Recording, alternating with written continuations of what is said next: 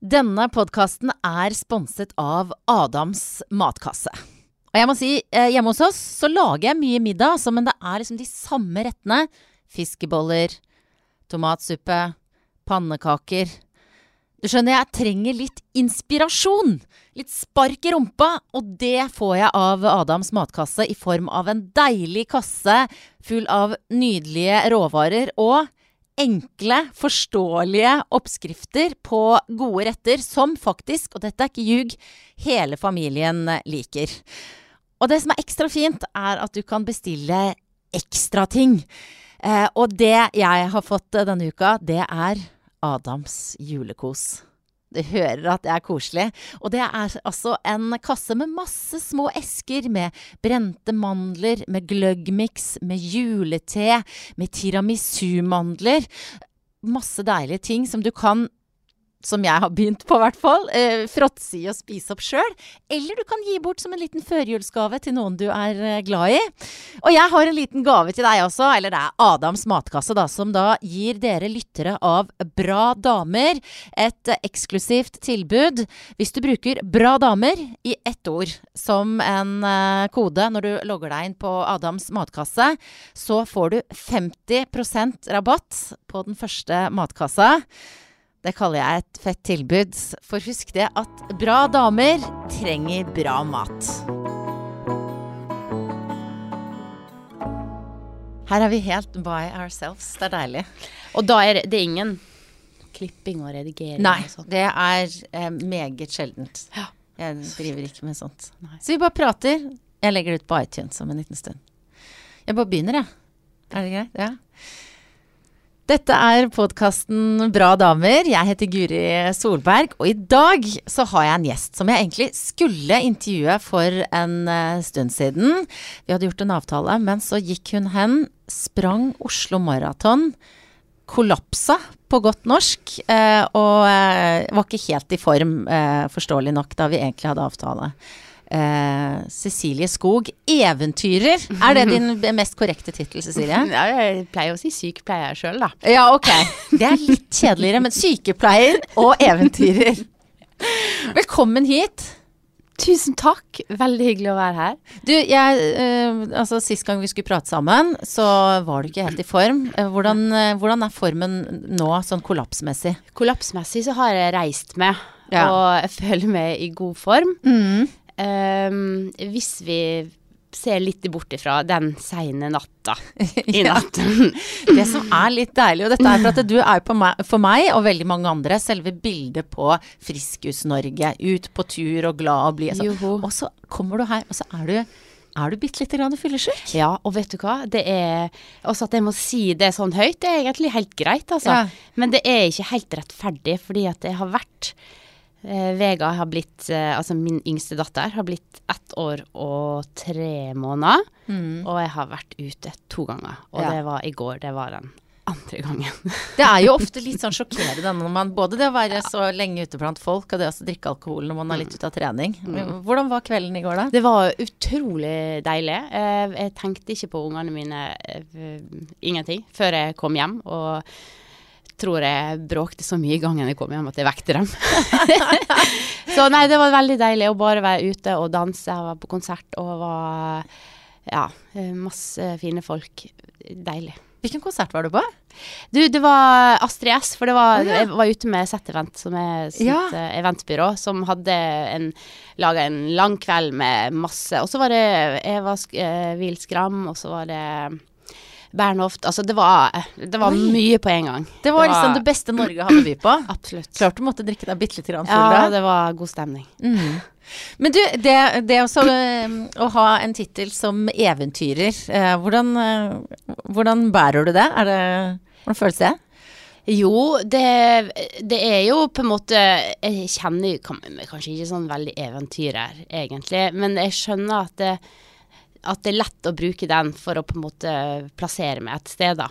Men egentlig bare en turgåer. Liker å gå på ski og klatre, da. Ja. Og så, ja, eh, kan det jo på en måte være Høres litt ut som at eh, man er på eventyr, men for meg så er eventyr det litt mer dem som var på oppdagelsesferd før man visste at eh, nesten jorda var rund. Ja. Ja. Er du litt misunnelig på de som på en måte hadde det var, Altså, ting var ugjort. De gjorde ting for første gang og sånn. Ja, eh, egentlig ikke, eh, fordi eh, når jeg er ute og gjør ting, så gjør jeg det for første gang for meg sjøl uansett. Så Ja. det, føles, eh, det føles jo ja, eh, som et nybrottsarbeid for meg sjøl, da. Eh, men samtidig så, så jeg setter jeg pris på å ha den der kontrollen som man kan ha med å ehm, ha satellittelefon, ha eh, satellittbilde over hva jeg, hvor jeg skal, og kart og GPS, og disse tingene her som vi bruker, da.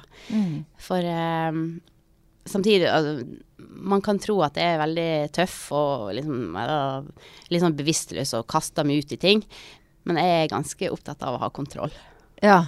Er det mange som tror det? At du er sånn ekstremsport eh, Mm, ja. Hiver deg utfor, Mm. ikke redd for noen ting? Ja, ja. Det, jeg møter ganske mange som sier Men du er jo så tøff. Men, eh, men eh, jeg ser ikke på meg sjøl som veldig tøff. Jeg gjør bare ting som jeg syns er Som jeg passer til å gjøre. Som eh, Jeg har en sånn drivkraft til å være på tur, da. Mm. Men turene jeg, jeg går, det er veldig lite adrenalin eh, innblanda i de turene. Jeg går veldig langt, og det er veldig seint, og klatring og en sport som foregår liksom i litt sånn slow motion. Så eh, det er ikke mye adrenalin. Jeg blir ikke drevet av det. Og uh, det er med drivkraft, for at jeg har vært og sett deg holde foredrag. Um, og det, jeg tenker sånn at det du holder på med, det kommer jeg aldri til å begynne med. Altså sånn, jeg er ikke en sånn turdame som deg. Uh, men det likevel du klarte på det foredraget, var å få meg til å skjønne hvorfor du drar på tur. Altså jeg forsto det så godt. Jeg klarte å skjønne det. Uh, men klarer du også forklare det til de som hører på nå? Hva er det som gjør at du må ut på tur, eller så gjerne vil ut på tur? Altså, det er Jeg trenger gjerne litt tid på å forklare det. Eh, og, og jeg liker gjerne å skildre øyeblikk, da, som, eh, som jeg opplever på tur. Og, og det å være langt borte og sitte inne i et telt, og være på vei sammen med fine folk til et ekstremt konkret mål, og jobbe sammen tett eh, mot det målet som jeg starta lenge før turen eh, begynte. Eh, og, og bare få lov å være til stede ute. Eh, kjenne at det knaker under skia når du går, og det er kaldt, og man pakker seg litt inn i, i ullklærne. Og så opplever man så utrolig mye mestring. Og så når du får lov å dele den mestringa med fine folk rundt deg, og stavene går himmelhøyt fordi at man jubler i kor. Og, så det er mange sånne øyeblikk. Og så er det også eh, en del ting der man er ekstremt skjerpa, da, fordi at det kan få store konsekvenser hvis man gjør store feil. Og det å bare få lov å være så til stede og ta sånne valg der ute, og ta dem i fellesskap, gjør også at jeg kjenner meg ekstremt levende. Ja. Og så komme inn i teltet på kvelden, og så skal vi sitte, sette oss ned, og da har vi liksom Da er det rolig. Da er det sånn god stemning, og da fyrer vi opp primusene, og så sitter vi og varmer oss litt over primusene. Og så blir man så utrolig takknemlig for sånne små ting som å faktisk bli varm på hendene igjen. Og spise varm mat. Selv om det er det samme du spiste dagen før og dagen før der. Så Og neste dag så skal du bare stå opp og få lov å være til stede i livet ditt igjen og gå på tur. Eh, litt nærmere det målet, og litt nærmere liksom, Ja eh, Egentlig ikke nærmere hjem, for jeg, off, jeg har jeg har skjønt det etter hvert at det for meg å skynde meg på tur og komme fort frem, det er ikke noe for meg. For jeg, jeg syns jo det er, det er fint å være på tur. Og da Du kan vil helst være borte så lenge som mulig. så lenge Altså, så lenge som eh, jeg klarer altså For at jeg må jo dra med den maten. Og nå snakker jeg gjerne om en poltur, da. Ja, Der man, mm. eh, eller en lang skitur. Der du må ha med mat for hver eneste dag. Og da er det jo ett kilo mat til dagen. Så er det liksom begrensa hvor mange dager man klarer å trekke med seg mat for, da. Ja. Ja. Men du skulle gjerne vært altså, lenger enn det som egentlig går, da. Ja, eller nå snakker jeg jo på en måte om livet mitt før, da. Ja, Fordi nå har du to livet barn. mitt nå ser helt annerledes ut. ja. Um, men jeg drømmer jo fremdeles om, om å dra på lange skiturer. Men nå, nå er de inne i bildet, da. Men Ja. de er enda litt for små til å bli på sånne ting. Men du, når du beskriver den følelsen av, ikke sant. På en måte så er det jo et, det er et krevende, men et enkelt liv man Det- har når man er på tur. Det er akkurat det. Det er så enkelt, og det er så eh, befriende enkelt. Fordi Ja. at man har med seg det lille teltet på to kvadratmeter, der alt har sin plass. Der sokkene mine henger der. Eh, den, eh, der er, henger dine sokker. Og så har du Fordi at du, du kan ikke ha med deg så mye, så du har bare akkurat det du har bruk for. Og det er en deilig følelse. Og Ja. hjemme så har vi jo i, jo kaos av ting overalt. Men klarer du, som har så erfaring med, med dette turlivet, hvor du er så fokusert og kun bare tenker på liksom, det neste stavtaket omtrent, klarer du å ta med deg den, altså for å bruke et forslitt motebegrep, den mindfulnessen, da? Har du det med deg inn i, i livet ditt her, det vanlige livet, holdt jeg på å si? ja, ja, det skulle jeg tro, men nei, det, det syns jeg er vanskelig. Fordi at her er det så mange inntrykk og impulser som blir kasta på meg hele tiden, og, og prøver å, å holde en tanke, og, og så blir den avbrutt eh, konstant. Og jeg kan jo på en måte sette meg inn i et lukka rom og uten telefon og uten å sette meg ned i lotusstilling, Mm. men jeg gjør det ikke, Nei. fordi at da kjeder jeg meg. Ja, ok. Jeg har prøvd å sette meg Så du må liksom rundt forbi. Ja, men det, er fordi jeg kjenner jo at det er noe jeg savner når jeg ikke får lov å være på tur. Mm. Og da er det gjerne det å bare få lov å være på vei. øh, Være til stede.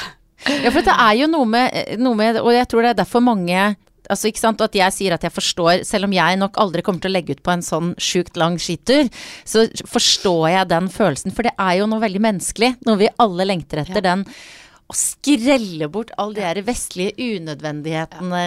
Ja, det å kjøpe ting, og det å være ting, eller ja, alt sånn små i utgangspunktet betydelige ting, da.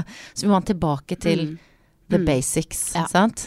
Ja, det er disse tingene som en tror på en måte, så er i hvert fall rent umiddelbar Kanskje kan gi en en liten lykkefølelse. Ja. Men den varer så veldig kort. Eh, så det å få lov til altså, å være ute og bare mestre og være på vei og være i det fellesskapet Mm. som og det er jo egentlig ganske ironisk, fordi at vi har satt oss et mål, dratt til andre sida av jordkloden, og, og vi skal gå på den turen her. Så det er jo egentlig ganske sånn meningsløst. Og så, ja, man drar dit, flytter seg bort dit, og så oppleves det så utrolig meningsfylt. Så det, det er liksom det store paradokset i det, da. Men, men blir du konfrontert med noe som ofte altså, eventyrere gjør? Altså at det er egoistisk? Er det mange som syns du er det? Ja, det tror jeg at uh, det er, og det er man jo i stor grad, fordi man, man tar jo sine valg ut ifra det som en ønsker å gjøre sjøl. Men så blir det jo ekst, ekstremt synlig, da, fordi at man, eh, man flytter jo seg bort fra folk man er glad i. Eh, så det kan jo være i konflikt med hva de andre rundt, eller i hvert fall nærmeste familien syns er ok, da. Og du Jeg har hatt mye dårlig samvittighet for at mamma sitter hjemme med høye skuldre og er kanskje redd for meg. Så det er jo egoistisk eh, på mange måter. Men så tror jeg at det er ganske menneskelig å ta valg ut ifra sine ønsker og sine drømmer, da. Eh, og så blir det lettere på en måte å se at det her er egoistisk, da. Tror jeg. Men jeg tror ganske mange tar de valgene som er rett for seg, da.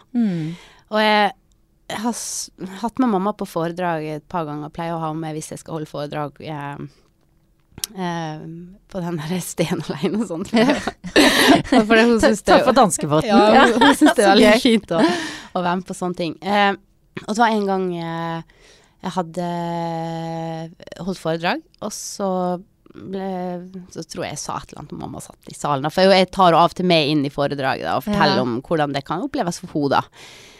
Og så var det en, en mann som kom bort til henne etterpå, for han kjente henne igjen da, for jeg hadde pekt henne ut. Og så sier han eh, Herregud, at du lar dattera di holde på sånn som dette her. Eh, Dette er jo noen år siden, sikkert ti år siden da, så Ja. jeg var litt yngre. Men, men så, så sier hun Har du barn? Eh, ja, ja, han hadde barn. Og har du lyst til at de skal være lykkelige? Ja, det, det hadde han selvfølgelig. Det er det jeg vil for dattera mi òg, sa. Og da kjente jeg sånn Og hun så ikke at jeg sto der engang. Jeg sto litt sånn bak. Så at, eh, og da kjente jeg at oi. Ja, det har hun aldri sagt til meg sånn på den måten, men at det, det er jo det hun har eh, gjort, da. Med å, hun har aldri sagt at jeg aldri skal dra på noen tur. Men jeg tror at hun har kjent på det, at hun skulle ønske at jeg ikke dro på det aller høyeste fjellet. Mm. Mm. Og det er jo det som er interessant, da, er jo det at du har jo eh, hatt dette livet hvor du har vært eh, nærmest enstøing, eller sammen med få andre på tur, ikke sant, og vært, hatt det enkle, men krevende livet. Og så har du jo nå tatt eh, steget over, ikke sant, vært, vært håper å si, i min verden, som er liksom full av eh, fjas og oppmerksomhet og lyskaster, ikke sant, laget TV, både på TV 2 og NRK med Truls Svendsen og Drømmetur, det er mange som har sett deg på, eh, på TV. Og det er jo på en måte, selv om du gjør disse turtingene der, så er jo det en verden som er veldig i kontrast til det å være aleine på ekspedisjon. Hvordan trives du liksom å dra i den, i den delen? Ja, det var at jeg skulle stå og gjøre det. For at når jeg, var, når jeg gikk på skolen, så var det, det var- Det var jo som veldig mange andre elever håpet at det ikke ble tatt frem på, på, på tavla. Ja. Ville gjøre, gjør seg så usynlig som mulig. Um, sånn var det for meg òg. Og uh, når jeg hadde kommet hjem fra et høyt fjell, så ble jeg spurt om å holde et foredrag for eh, bredgruppa i Oslo her, eh, som jeg satt i, og jeg holdt jo kurs for bredgruppa. Og så, så tenkte jeg ok, eh, det kan jeg sikkert gjøre. Det kommer sikkert til å komme en sånn fire, fem, seks slitne breiførere å gjøre på. Så det, det kan jeg sikkert klare. Men så kom det jo liksom 200, og jeg, jeg hadde jo ikke forberedt meg på det i det hele tatt. Og, eh, og det jeg opplevde da, det var jo at jeg gikk helt i stå. Jeg klarte ikke å prate de første sju-åtte minutter. Tunga hast, hang fast i ganen, og det var så ubehagelig. Fordi at eh, hjertet dunka så hardt at jeg ikke klarte å, å prate. Jeg klarte ikke å tenke. Jeg klarte ikke å si noen ting. Så jeg fikk nesten panikk. Og så, eh, og så roa det seg litt. Pulsen roa seg. Og så begynte jeg. Og etterpå så hadde hadde liksom, Etter et kvarter så hadde jeg glemt egentlig hva jeg For da var jeg inne i turen. Jeg var tilbake igjen Ja. i den turen, i de opplevelsene. Og det, for du øh, opplever det så sterkt. Så plutselig så når du drar deg sjøl tilbake igjen dit, så er det som at du er der igjen. Og sånn må jeg nødt til å ha det når jeg står på scenen og, og formidler disse naturopplevelsene. Jeg må kjenne at det er der igjen. Nesten. Jeg må nesten fryse på fingrene igjen for at det på en måte gir publikum Prøve å gi dem den opplevelsen, eller litt av den opplevelsen som jeg har, da. Og etter den, eh, etter den, den, den kvelden så fikk jeg jo nesten ikke sove, for jeg, jeg, jeg hadde hatt en fantastisk opplevelse.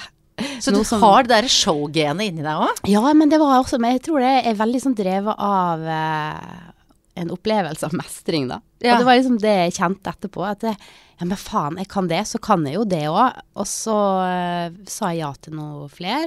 Og så angra jeg i hvert fall den siste uka før jeg skulle på. Liksom, går det an å bli så dum og si ja en gang til? For dette her er jo så vondt. Men så er det noe som kan læres, da.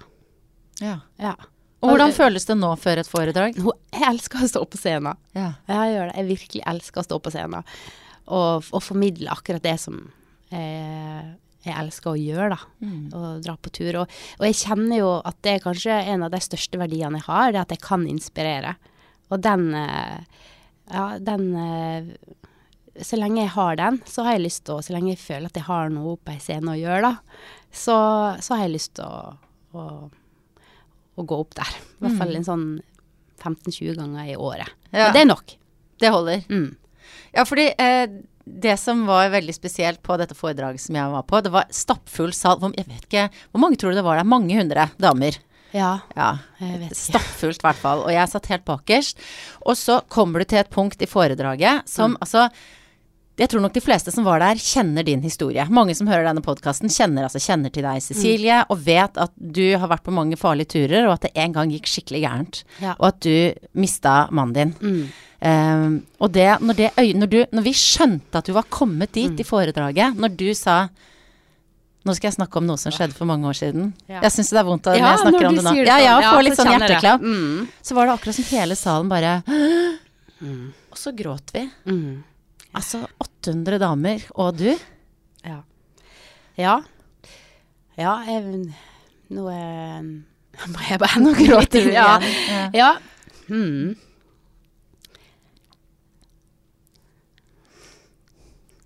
Mm. Nei, det er em, Jeg har jo jeg har, det, det koster jo litt å, å, å gjøre det, å stå der og si det. Og det er derfor jeg å tenke at um, 15-20 foredrag i året, det, det er nok for meg. Ja.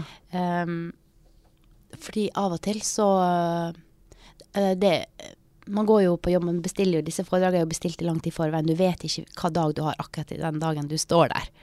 Um, og, men som oftest så er det Jeg må ta sats inni og prate om akkurat det, for det at uh, For det koster så mye å si det, at uh, Rolf blei borte. Um, og gå tilbake, for det er akkurat det jeg gjør. Sånn, Da går jeg litt tilbake igjen til akkurat det som var så forferdelig vondt, og som fremdeles er det. Um, så um, Ja, og så kjenner jeg også publikum, da. Mm. For det er jo en sånn symbiose der, Ja. Der eh, Ja, de ser at jeg er prega, og så hører jeg jo dem. Eh, så um, det er jo ikke sånn hylekor, det er jo ikke sånn at folk sitter og, og hikster, men jeg ser at jeg merker på stemninga. Den er og den er òg I hvert fall når det sitter 800 damer der, da, så, er, så er rommet metta med omsorg. Så den kjenner jeg på, da. Ja, Ja. ja, men det er jo vakkert da, i hvert fall. Mm. Ja. Og det gjør det lettere for meg å, å, å gi. Og så tenker jeg at hvis jeg skal ta oppmerksomheten til 800 damer i en hel time i livet deres, så skal det sitte igjen noe. Da skal jeg gi dem noe som, eh, som de kommer til å huske, som de kanskje kan bruke, og som kanskje Som ikke bare blåser vekk i neste vindkast idet de går ut døra. Mm. For det er mange nok sånne foredrag jeg har vært på, eller sånne ja, ja. Ja. Kruse på eh, overflaten. Ja, også, som, synes, som er veldig, veldig fine der og da, men så går jeg ut og så tenker eller for kanskje etter en halv dag, da, hva var det de sa nå igjen? At, Mm. ja, jeg vil at det skal sitte igjen, da. Men den historien om da Rolf ble borte, hvor, Mm. altså eh, Hvor lenge skal du Mm. Har du tenkt å slutte med det? Skal det Ja. være med deg Nei, alltid? Nei, ja, jeg, og det har jeg òg tenkt at det, det her Når jeg begynte å prate om det, tok jeg en stund før jeg orka det. Eh, og valget jeg tok med å gjøre det, det kom basert på at det var, var jo veldig offentlig så Altså sorgen min var veldig offentlig, og den, alt det som skjedde på fjellet, det var jo skrevet masse bøker og avisartikler og laga TV-program og filmer om det her. Mm. Så jeg tenkte at jeg, jeg må få lov til å fortelle min, min historie. Eh, og, eh, og det gjorde jeg. Jeg skrev bok. Og så tenkte jeg at jeg, eh, jeg vil ha det Det blir veldig feil å ikke ha det med i foredraget, siden det er en så stor del av meg. Mm. Um, og alle sitter og lurer på det. Jeg kan nesten ikke bare snakke om skistaven skistavene i været, og at alle cellene i kroppen jubler samtidig av lykke når det her har skjedd. Uh, så for meg så er det en Det er vanskelig å komme utenom, da. Men så har jeg tenkt akkurat det samme som det du spør om. Hvor lenge skal jeg prate om det? Og um, jeg vet ikke helt. Um, jeg tror kanskje den, den blir litt mindre og litt mindre eh, den historien i foredraget. Og etter hvert som at Nå ser jo livet mitt ganske annerledes ut. Mm. Og jeg har lyst til å gi det, det nye friluftslivet mitt nå, som jeg, som som jeg driver, som er det, veldig nære friluftslivet bak huset. Ja. Det er sånn jeg driver med da. Det er Ja. på det nivået jeg òg. Ja, men det skal få større plass Mm. i foredragene mine. For det er, Ja, det, som, for det er jo der hjertet mitt banker nå. Jeg har jo ikke lyst til å gå og, og vasses på sånne høye fjell nå. Det er helt, eh, det er helt utenkelig. Uh, det tror jeg jeg kan si til deg, Guri, at det kommer jeg aldri til å gjøre igjen. Kommer du ikke til det? Nei, ikke på disse høyeste fjellene. Og hva er det som gjør at du ikke vil det? Jeg følte meg ganske ferdig med det. Det var en stund etter K2 at eh, jeg måtte si høyt, kanskje mest til de rundt meg, men jeg sa det jo òg til meg sjøl at OK, nå er jeg ferdig, jeg skal aldri dra på en 8000 meter igjen. Og det, når jeg mener høye fjell, så er det de som er over 8000 meter. Okay, ja. Ja. jeg snakker ikke om Kilimanjaro da. Uh, men eh, for det er noe som skjer på rundt 8000 meter, som, jeg, som jeg, jeg følte at jeg var ferdig med. Men så dro jeg tilbake igjen. Tre ganger etterpå. Og, men da, på den siste turen da, så kjente jeg eh, Og det var kanskje bare det som måtte komme, at jeg, jeg kjente det var ferdig da, når jeg var der. At det her, det gir ikke meg nok Um, Altså, det er ikke meningsfylt nok lenger til at det, det er verdt det. Hva er det som har tatt det bort, tror du? Nei, eh, jeg har jo sett det jo mange av dem som jeg har vært glad i. Det har vært et sånn internasjonalt uh, fellesskap, da. Flere og flere som har blitt borte. Uh, ser mer og mer folk på disse fjellene. Uh, det er mye altså, mer guiding, mindre folk som på en måte som er klatrere fra, fra opprinnelig, da. Altså mer sirkus, da. Og mer, mer ting som jeg stusser på, og som jeg, som jeg kjenner liksom at det, Nei, dette her er jeg ikke en del av lenger. Mm. Så du eh, henger Men nå er det jo på grunn av barn. Nå er det jo mest Ja. på grunn av barna. Ja, men det, er skjedde liksom før det. Sider. Ja. Ja. Ja. Men for det som eh, tobarnsmor, eh, småbarnsmor eh, foreløpig, mm. vekka midt på natta i natt blant Mm. annet, sant? Liksom vi kjenner til det der. Men, eh, men nå er det friluftsliv ute i bakhagen, eller? Og Ja. litt i skauen og sånn? Vi er veldig heldige fordi vi har en barnehage som, eh, som ligger åtte minutter unna. Eh, Det, hvis du skal kjøre bil, så tar det også åtte minutter, men da, da må du kjøre rundt. Men vi kan gå bare gjennom skogen. Ja. Eh, så kommer vi dit. Um, og det er, det er veldig fint, da. Jeg bruker åtte minutter når jeg går alene. Ja. Eh, men når eh, Altså, jeg bruker åtte minutter hjem fra barnehagen om morgenen, og så bruker jeg åtte minutter til barnehagen når jeg skal hente. Ja. Og den kan ta en time hjem, da. Um, ja. Med disse bitte små beina som helst vil gå sjøl. Um, hvor tålmodig er du som mamma? Vet du, det er, jeg hadde trodd at uh, Jeg lærte meg å bli ganske tålmodig i det yrket som sykepleier. Nå sa jeg at jeg var sykepleier, men jeg har ikke, jeg har ikke vært sykepleier siden 2003. Sånn. Men Du På klinikk. Jeg kan faget. Ja. Ja. Jeg har vært mye sykepleier på tur. Mm. Men, eh, og der lærte meg å bli ganske tålmodig. For egentlig så er jeg en ganske rastløs og utålmodig person. ja, det ser jeg for meg nemlig. Ja, Kom igjen nå, da! Kom igjen nå, da! ja, ja det, må, det må skje litt, da. Så, men eh, som mor så syns jeg jeg er overraskende tålmodig. Og- det kan jeg si liksom at jeg, jeg hadde trodd at jeg ikke kom til å være det, fordi at jeg, jeg har nok ikke vært så tålmodig med andre sine barn. Nei. Jeg var sånn, herregud, disse ungene er jo så masete, men nå må de sette grenser. Og, men så merka jeg at det er noe helt annet med egne barn, Mm. som man ikke kan forberede seg på, egentlig. Men når er, det du, er det du tillater deg å eksplodere, da? Nei, det er veldig sjelden jeg eksploderer, for det har jeg lært at det skal man ikke gjøre. Eh, sånn intuitivt så ville jeg ha gjort det 100 ganger om dagen. Ja. Men eh, jeg, jeg må faktisk av og til ta pause når, at jeg, når jeg er motstand i alt jeg prøver om morgenen. Altså når jeg, vi skal krangle om ned til sokkenivå, Ja, ja. eh, da er det sånn. Da må jeg bare liksom ut, og så må jeg komme inn igjen, og så puste igjen. Eh, Hvor går det da? Inn på badet, eller? Nei, da er vi på badet, og så går jeg ut i gangen. Ja. Og så sier jeg 'mamma skal bare ta en liten pause'. Kommer tilbake. Oi, ja. Og så skjønner hun det. Hun skjønner det. Hun skjønner Hun er ja, snart tre, og hun forstår. Hun har sett det mønsteret noen ganger. 'Mamma kommer tilbake'. og så tar vi på sokka. ja for da, da går du ut, og så tar du et lite sånn magedrag da, før du går inn igjen. Ja. Mm. Ja. Det burde jeg egentlig gjøre oftere sammen med Aleksander òg, men, for, men der, der har jeg mindre tålmodighet. Der. Ja, nettopp, ja. ja. Og. Alexander er jo da eh, Nå ble kjæresten din, eller er dere gift? Nei, vi er kjærester. Ja, nå hørtes det som jeg var veldig opptatt av at dere ikke skulle leve i synd, men jeg vil bare ikke si noe feil. Ja, men det har vi gjort, Ja. Ja. Men, eh, men dere lever i synd med Alexander, som, eh, som du også har vært på, både på tur og på TV sammen med og sånn. Men det, han er du ikke så tålmodig med? Nei. Nei. Nei. Hvorfor ikke det? Nei, et eller annet sted må jo på en måte grensa gå, da. Altså for den, den tålmodigheten. Mm. Og da er det der, da. For at um, Nei, jeg, og jeg, jeg, som jeg begynte med, da, så burde jeg jo vært mer tålmodig. Og jeg, må øve meg på det, da. Ja. Men Hvordan er dere som eh, kjærestepar, rent bortsett fra at du tydeligvis da eksploderer litt av og til? Altså eh, som eh, Før vi fikk barn, Mm. så var vi jo Vi var erteris før vi ble eh, kjærester. Vi var, vi var veldig, veldig gode venner. Og gjorde Klatra mye sammen og dro på turer og ja. Så ehm, Og så ble jo vi på en måte gravid med en gang. så vi så disse barna ramla rett opp i fanget vårt. Ja. Så nå, nå syns vi det, det, det er litt vanskeligere nå. Det er større utfordringer i hverdagen Mm. enn når man bare har seg sjøl og kan gjøre akkurat hva man vil. Um, og, og fordi at kanskje den største utfordringa ligger i at det, jeg har nok endra meg en del, da. Ja. Altså han eh, Etter at du fikk barn? Mer, ja, han er mer eventyrlysten enn meg. Han har veldig lyst til at vi skal dra på store turer.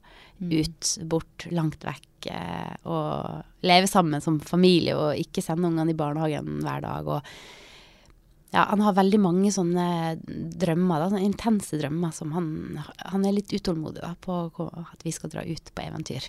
Og hva sier du når han kommer med disse drømmene? Nei, men sant, da blir det at han, han ble sammen med Cecilie Skog, som trodde han trodde hun var sånn, sånn litt lik. Og så har, han, og så har hun bare blitt ei sånn kjerring som sitter og ruger på ungene på Tveita.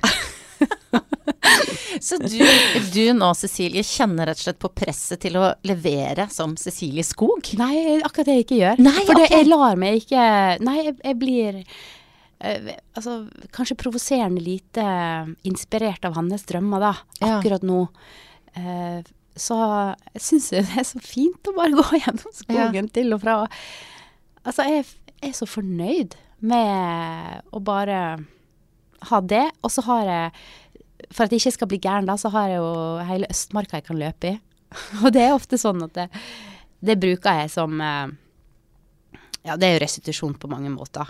Eh, og, lade alt som er av batteri og det Jeg kan liksom Etter tre kilometer så kan jeg tenke at det, ah, jeg har fremdeles lyst til å gå fra Alexander. og så etter seks så kan jeg tenke Nei, han er vel ikke så verst likevel. Og etter elleve, da, så kommer jeg hjem, og så elsker jeg han. Så, så det er liksom Jeg må ha disse turene ut og lufte vett, da. Ja. For det blir jo helt koko i kokosnøtta innimellom av det her eh, livet, da. Må luf, må, ja, vi må lufte oss litt. Og så, så har jeg klatringa. Der er en sånn arena jeg får liksom få kjenne på mestring og få bestrekke med og få fellesskapet med masse venninner som jeg klatrer med. Og. ja. Så, um, så jeg har funnet en fin balanse nå i den her eh, nye hverdagen. Og så lenge du får løpe i Østmarka, så forblir dere et par, eller? Ja. Ja, det, det, det er jo det vi jobber for. Vi Ja. må, jo, må jo det.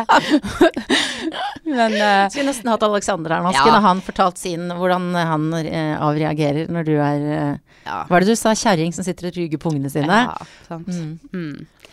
Så nei, han, eh, han er tålmodig han òg, fordi at eh, det er jo klart Jeg, jeg har jo sikkert sagt mange sånne ting eh, i innledninga til som Ja, skal det bli oss to? Og hvis vi skal ha barn, skal vi dra på eventyr i øst og vest, og vi skal Det er liksom ingen begrensning for hva vi kan gjøre. Og så har liksom alt endra seg, da. Altså hormonelt sånn instinkt, så vil jeg jo bare liksom beskytte disse barna. Og Alexander, et av forslagene hans er kanskje at det, han vil til Kongo og leve med gorillaene. Jeg bare Å ja. Han er der, ja. Ja. Det er ikke en sånn liten seiltur i Karibien? Nei, nei, nei, nei, nei. nei. Nei. Nei, han, også heller så vil han til Sør-Amerika og, og hilse på slangetemmere. Og så, altså, han, han vil han, han, han er eventyrer, da. Jeg, jeg er bare sånn som liker å gå på ski og liksom liker det her å være på tur. Mm. Mens han, han liker eventyret i mye større grad. Det er, eh, som man ikke vet. Hvis eventyret er på en måte det veldig ukjente, da. Så man ikke helt vet hva som dukker opp, og blir kjent med ny kultur og alt det her. Og eh, han er ekstremt leiken. Uh, så det det er det han lengter etter, da. Mm. Og så har ikke han lyst til å være lenge borte fra familien heller, så jeg kunne jo bare sagt på han bare dra. Men uh, ja. Så der, har vi, der er vi i en liten sånn konfliktsone. Mm. For Mm. hvilke eventyr man skal dra på. Mm. Men hvis du fikk bestemme, da, hvordan, uh, hvordan ser du for deg livet ditt, som nå jo nå er livet deres, uh, de neste årene? Nei, jeg ser egentlig ikke så veldig langt fremme. Jeg syns det er så fint å være. Og jeg, jeg prøver å, å ikke gjøre det så ofte, for, i forhold til og Det blir jo artig når Vega kan begynne å prate, men hun er jo så deilig sånn som hun er akkurat nå. Mm. Så jeg prøver ikke å liksom lengtes veldig langt frem. Har du fint nå? Mm. Mm. I øyeblikket.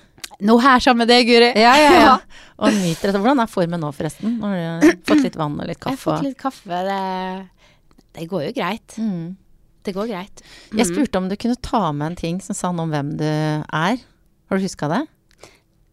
Vet du, jeg, jeg kom på det når jeg var på vei, for da var det på en måte for seint å ta med noe. Ja, nettopp. Men så har jeg jo den der notatboka mi, da, som jeg har oh, ja. Den har jeg jo med meg. Har du den her nå, eller ligger den ute i Å ja, det er en notatbok Så, hvor så du tenkte jeg ok, da kan det på en måte være det her Ja da, det har jeg huska. Her er det jeg har tatt med, Ja. men eh, Rosa Men det- notatbok. rosa notatbok, og så her er noen notat, selvfølgelig. Og så har uh, dattera mi satt og Ja, der var noen som hadde litt, skribla noen rosa hjerter og sånn. Fine Ja. hjerter hun tegner, da. Ja, der fikk hun sikkert litt hjelp da, til å Ja. holde hånda når hun Ja, skulle nettopp. Ja. Hva er det du bruker denne boka til?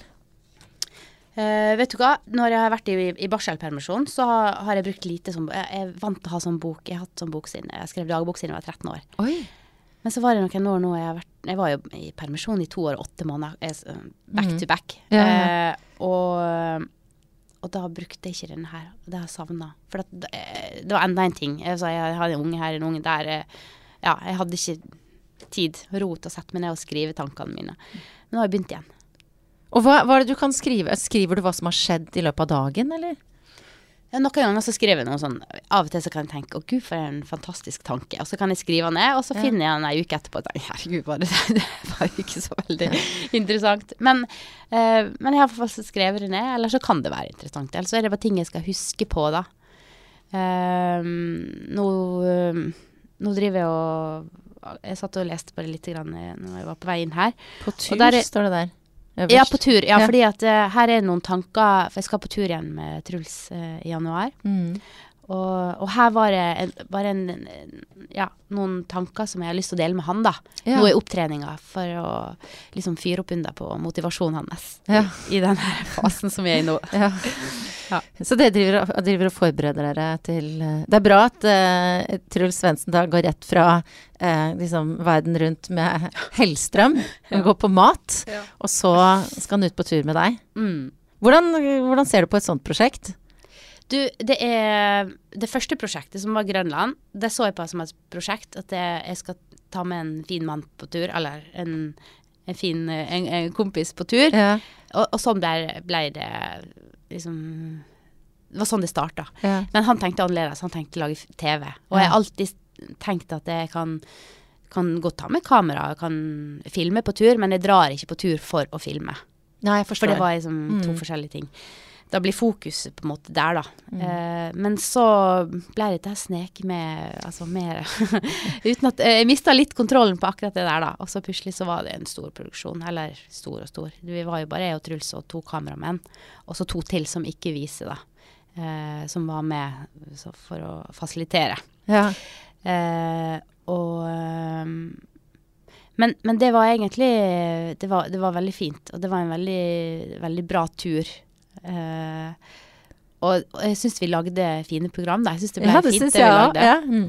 Så, eh, så nå er det på en måte Nå tenker jeg annerledes. Nå tenker jeg litt sånn som Truls. Nå tenker jeg at vi skal på, på tur. Vi skal, vi skal lage TV. Men det som skjer når man er så lenge på tur, en måned, det er at du glemmer det. Eh, Ja, okay. Fordi at kameraene er jo på, og vi sover i telt, og vi er sårbare, og vi er, vi er liksom mer avkledd da enn hvis vi bare skal møtes i et TV-studio, er skjerpa, sover godt, eh, og du har all, alt rundt deg som, som du er vant til å ha, mens der blir alt det tatt fra oss. Eh, og da blir vi mer ekte. Mm. Eh, og da blir det bedre TV, syns jeg. Men syns du det er ubehagelig på noen måte, eller skummelt? Det eneste som eh, Og akkurat når du spør meg nå, så må jeg ta litt sånn sats, for at jeg gleder meg til å dra på tur. Uh, og jeg skal dra tilbake til et fjell som jeg var for 19 år siden. Så, så det gleder jeg meg til. Men jeg skal være borte fra familien min. Ja. Hvor lenge må du være borte? Ah, Ah. Um, tre og en halv uke. Og jeg har vært borte i ett døgn. Så jeg har, jeg, har, jeg har på en måte ikke øvd meg. Jeg har ingen anelse om hva jeg går til. Jeg, jeg vet ikke hvordan jeg skal forberede meg heller. Hvordan skal man gjøre det? Nei. Nei. For jeg vil jo ikke være borte nå før jeg drar. Og det er jo den beste måten man kan forberede seg på. Men jeg kan ikke sette meg ned og, og, og visualisere hvordan det her skal bli. Eh, det får jeg ikke til. For det, det er så mye følelser. Ja. Mm. Og når du da setter deg Skal du langt av gårde? Ja, Kan du si vi- hvor du skal, eller er det sånn TV-hemmelighet? Jeg vet faktisk ikke om det er Nei, kanskje ikke sånn kjempehemmelig. Vi, vi skal på andre sida av jordkloden, nesten. Ja, Mm. sant. Så du er geografisk langt borte. Og Ja. på alle måter eh, langt borte fra Ja. gjengen din. Mm. Og, og, men sånn, sånn jeg alltid på en måte har vært da i forhold til det å ha drømmer, som har vært en veldig sånn sterk drivkraft, og vært det sånn Det er så eh, befriende lite begrensende å ha drømmer, da. Og bare kunne få lov å ha akkurat de tankene man vil. Mm. Så jeg har vært utrolig glad i det. Um, og ehm, Hva var det jeg skulle si nå? Hva var det jeg begynte på? Et eller annet med barna dine. Ja, Var det sant. det? Det var et eller annet uh, der. Ja, nei. Men selv om, selv om det blir heftig å være borte, Ja. så, så er ikke det en drøm som du Har det noen gang vært aktuelt å si vet du, at det, vet du det orker jeg ikke, det gjør jeg ikke. Ja, eller Jo, nå var det, nå var det jeg skulle si. Det var at eh, i, når jeg liksom tar tak i disse drømmene, da, Mm. så har det vært eh, Altså, for dem som ikke tar tak i drømmene, de tenker at man ikke kan gjøre det fordi. Mens jeg har tenkt at jeg har lyst til å gjøre det fordi. Altså, jeg Å, ja, tak i ja. altså, Mm. grunnene til å gjøre det, da. Eh, mens nå er det litt vanskeligere, for nå, nå er dette her de, følelsene mm, liksom å være borte fra barna, de blir bare sterkere og sterkere dess nærmere den turen eh, kommer. Men så må jeg prøve å gjøre det samme igjen, da. Det som, jeg, det som har vært helt automatisk for meg å tenke før. Uh, og det er at uh, de kommer meg nærmere pappaen sin. Han får ta liksom, kjempestor plass i livet deres. Uh, de tror de reiser fra meg, eh, de reiser til Gran Canaria med Alexander oh, ja! og tante og søskenbarn og besteforeldre. Så de tror at jeg er hjemme da, og de har reist på tur. Og så kommer jeg ned dit når jeg er ferdig. Ehm, ja. Det er i hvert fall det som jeg på en måte argumenterer for. Også det at det med å, å være synlig og eksponere seg sjøl liksom, i offentligheten, da. Så Mm. kan jeg fortsette å leve sånn som jeg gjør nå, da. Og det gir meg en stor frihet å være mer sammen med deg i Mm. ukedagene. Altså jeg, jeg leverer seint i barnehagen, henter tidlig. Og så er det jo noe med det at selv om de nå tror at det er de, du, det er de som reiser fra deg, Mm. så er det jo nå en veldig, i hvert fall når de blir litt eldre, en styrke å ha en mamma som gjør så mange imponerende ting, Mm. og som eh, viser en sånn styrke, da. Det er jo Mm. et fantastisk eh, forbilde for dem å ha. Ja, Se at det går an. Ja. Mm. Ja. Ja, det, vi, det, det tror jeg vi, jeg hører Alexander si det til Vilja Mm. eh, nesten hver dag. Eh, Men for hvis hun sier at hun ikke får det til, så Ja. forteller hun det at hun kan få til alt. Ja. Og det fortalte mormora mi til meg da jeg var lita. Hun het uh, Mally. Mally Klara. Hun sa 'Mally klarer alt. Mally klarer alt. og er det noe du tar fram når du eh, sliter deg bortover isen? Ja, man kan snakke veldig mye bra til seg sjøl, altså. Mm. Man, når, eh, når det røyner på, så trenger man å snakke bra til seg sjøl. Og tenke lett, lett, lett, dette her får jeg til. Kjempelett. Gjør du det bare på tur, eller? Nei. Nei, jeg gjør det Nei, jeg kan gjøre det. Altså, jeg kan bare visualisere hvis jeg syns det er litt tungt gjennom den der Østmarka noen Ja. ganger i stien, da. Så kan jeg bare se for meg folk At folk står langs veien og heier på meg. og, og klamper meg frem. Og det kan være litt sånn puslig. Å, herregud, skulle hun dukke opp, liksom? Her? Og kan være liksom kona til Donald Trump. Liksom står der og Står der og klapper sånn iskaldt.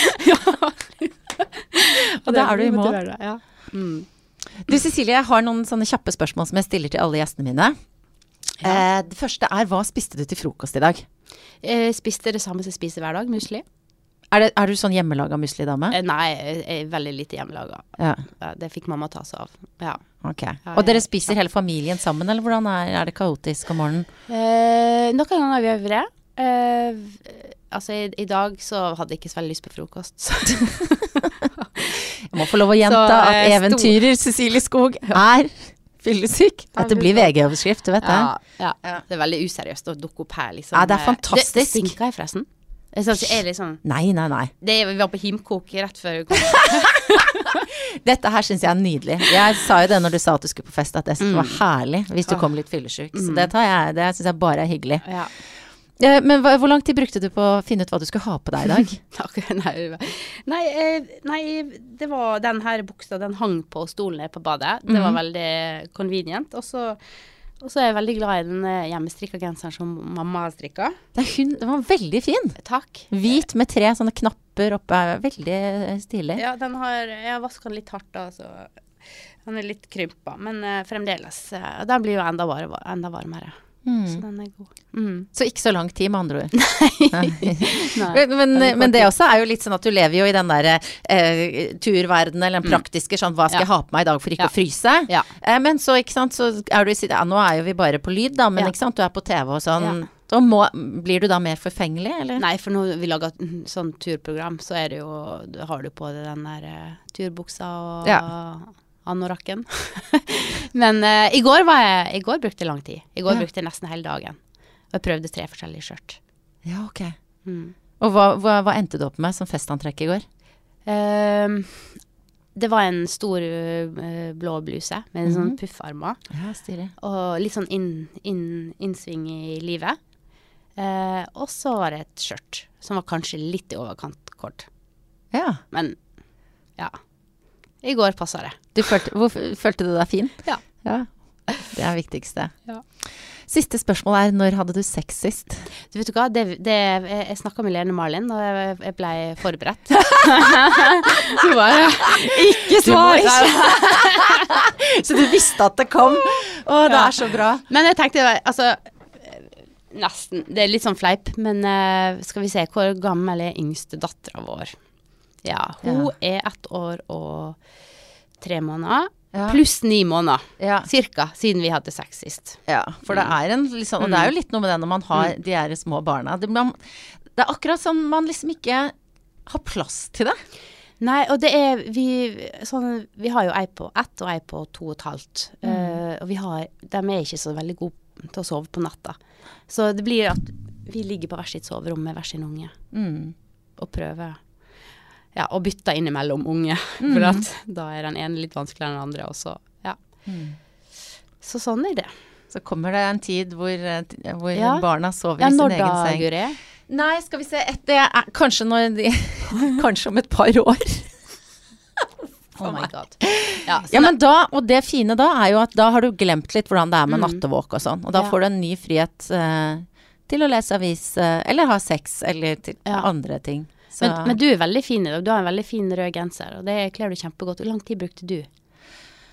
jeg eh, pendler fra Bergen.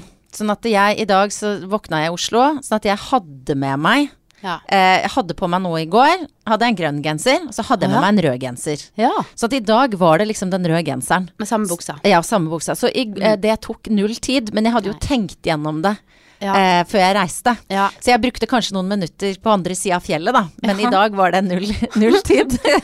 For, for, for du, er, du er veldig Du er stort sett veldig fin, tror jeg. Var, Takk. Den gangen jeg har sett det, så ja, du, men ja, for du ser meg jo eh, i sånne sammenhenger som det er, da, hvor jeg er på Mm. jobb. Vi, Ja. har vi vært på, jo vi har vært på Vært yoga, sammen nå. Ja. Da var du òg veldig fin.